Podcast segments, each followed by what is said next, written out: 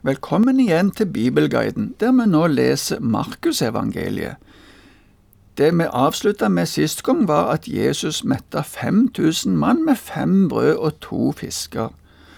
I Johannesevangeliet kan vi se at Jesus forsto at folket hadde tenkt å ta han med makt og gjøre han til konge.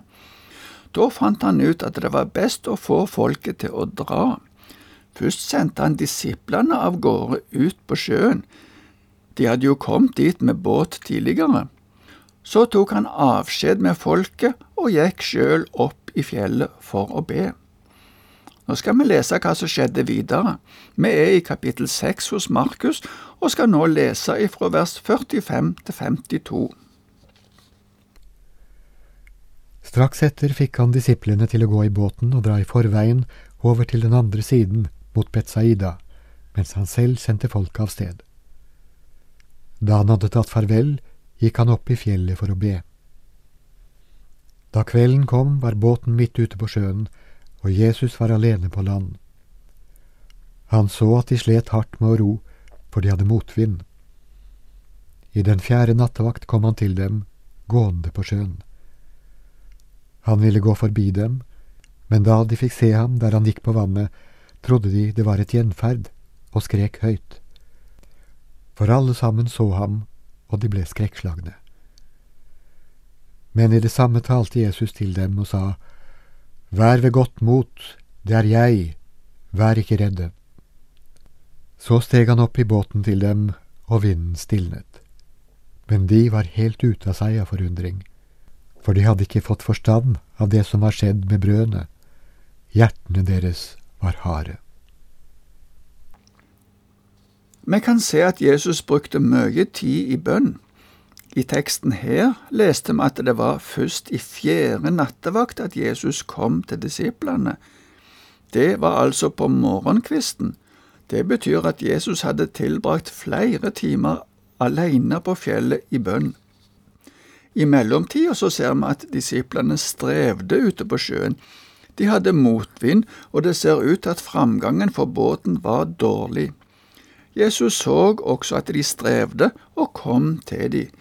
Det kan vi ta med oss som et tegn på at Jesus kan komme til oss også når vi strever, men det er ikke sikkert han kommer med en gang.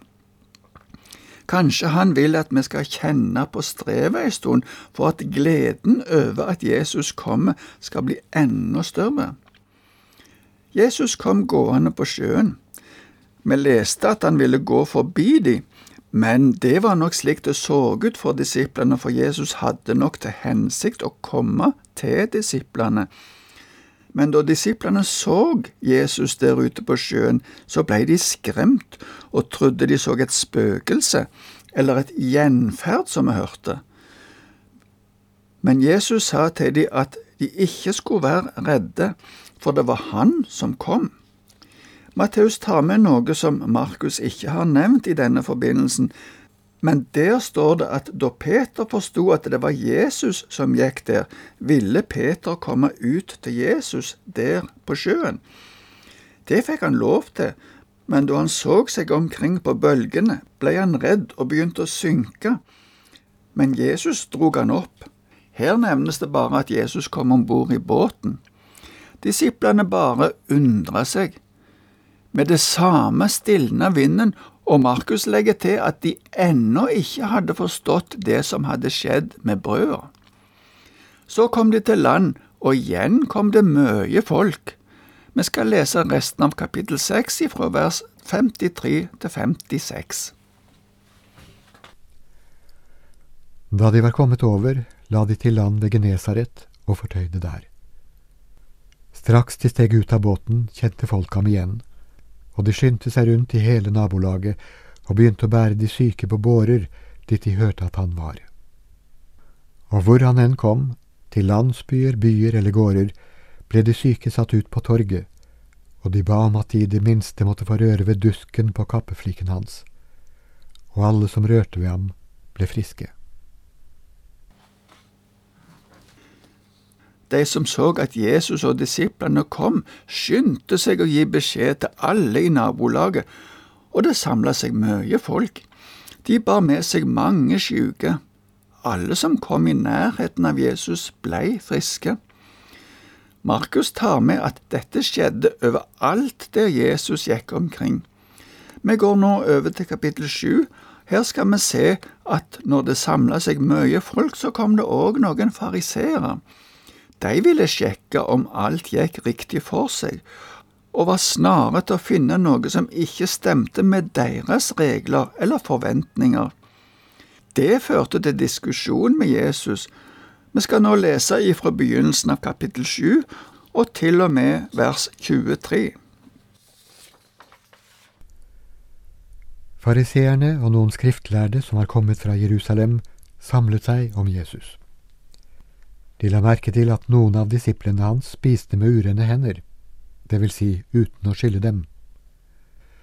For fariseerne, og jøder i det hele tatt, spiser ikke før de har helt en håndfull vann over hendene, i lydighet mot overleveringen fra de gamle.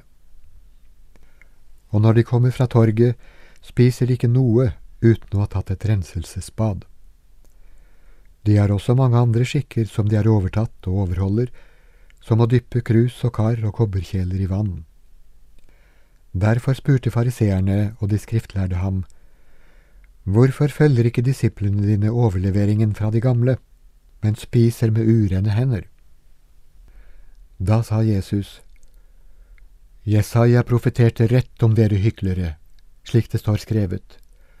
Dette folket ærer meg med leppene, men hjertet er langt borte fra meg. Forgjeves styrker de meg, for det de lærer er menneskebud. Dere har forlatt Guds bud, men holder fast på menneskers overlevering. Og han sa til dem, Ja, dere får det fint til. Dere avskaffer Guds bud for å innføre deres egen overlevering. For Moses sa, Hedre din far og din mor, og den som bruker onde ord mot far eller mor, skal dø. Men dere godkjenner likevel at noen sier til sin far eller mor, det du skulle hatt av meg til hjelp, skal være en korban, det betyr en gave til tempelet. Da hindrer dere ham i å gjøre noe for far eller mor. Slik setter dere Guds ord ut av kraft, av hensyn til den overlevering dere har mottatt og gitt videre. Og mye annet av samme slag gjør dere. Han kalte igjen folket til seg og sa, Hør på meg alle, og forstå. Ikke noe av det som kommer inn i mennesket utenfra, kan gjøre det urent. Nei, det er det som går ut fra mennesket, som gjør mennesket urent. Om noen har ører å høre med, så hør. Da han var kommet innendørs, bort fra mengden, spurte disiplene ham om lignelsen. Forstår ikke dere heller noe? sa han. Skjønner dere ikke at ingenting som kommer inn i mennesket utenfra, kan gjøre det urent. Det kommer jo ikke inn i hjertet, men bare ned i magen og går ut og dit det skal. Dermed slo han fast at all mat er ren. Og han la til, det som går ut fra mennesket, det gjør mennesket urent. For innenfra, fra menneskehjertet, kommer de onde tankene, hor, tyveri, mord, ekteskapsbrudd, grådighet, ondskap, svik, utskeielser, misunnelige øyne, spott, hovmod, vettløshet. Alt dette onde kommer innenfra og gjør mennesket urent. Markus skrev evangeliet for folk i Roma, derfor forklarer han litt om jødene sine skikker. Det gjaldt både det som fariserene klaga på angående renselse, og òg det som kalles for korban, som betyr en offergave. Jesus svarer ikke direkte på spørsmålet ifra fariseerne, men kaster ballen tilbake til dem og anklager de for å hindre folk i å holde buda ved at de har laga noen forskrifter som gjør at de kan unngå dette. Da er det budet om å hedre far og mor som blir sett til sides, så legger Markus til at fariseerne også hadde mange andre slike bud og regler. Men Guds bud står over alle menneskebud. Fariserene sin anklage og Jesus sitt svar var nok i første omgang i en mindre sammenheng, men så ropte Jesus sammen folket for på denne måten å vise alle hva dette handla om. Det Jesus sa da, var nok litt mer i retning av den anklagen som Jesus hadde fått om at disiplene ikke hadde vaska hendene. Da sa han at det ikke var det som kom inn i mennesket utenifra som gjorde det ureint, men det som gikk ut ifra mennesket. Han oppfordra folket til å høre og forstå. Men da disiplene og Jesus hadde kommet inn i huset og bort ifra folkemengden, spurte disiplene Jesus hva det som han hadde sagt skulle bety. Jesus undra seg over at heller ikke de forsto, og kanskje vi kan spørre hverandre om hva som gjelder for oss. Det er ofte mange ytre ting som gjør at vi ser på hverandre som gode eller dårlige, som kristne eller ikke-kristne. Kanskje vi kan nevne klesdrakt, utseende, språk eller noe som vi deltar på, som eksempler på at vi av og til ser negativt på hverandre. Dette er bare et lite hint til ettertanke. Men Jesus forklarte at ifra mennesket sitt indre kommer mange ting som ikke er gode. Han nevner hor, tyveri, mord, ekteskapsbrudd og mer. Legg merke til at han nevner grådighet, misunnelige øyne og hovmod i denne lista. Det viser hva som bor i et menneske. Det viser at vi er syndere og ureine i Guds målestokk. La oss prøve å legge av mest mulig av dette, men først og fremst be Jesus om tilgivelse for disse tingene i våre liv. Men med dette må vi slutte for i dag. Herren være med deg.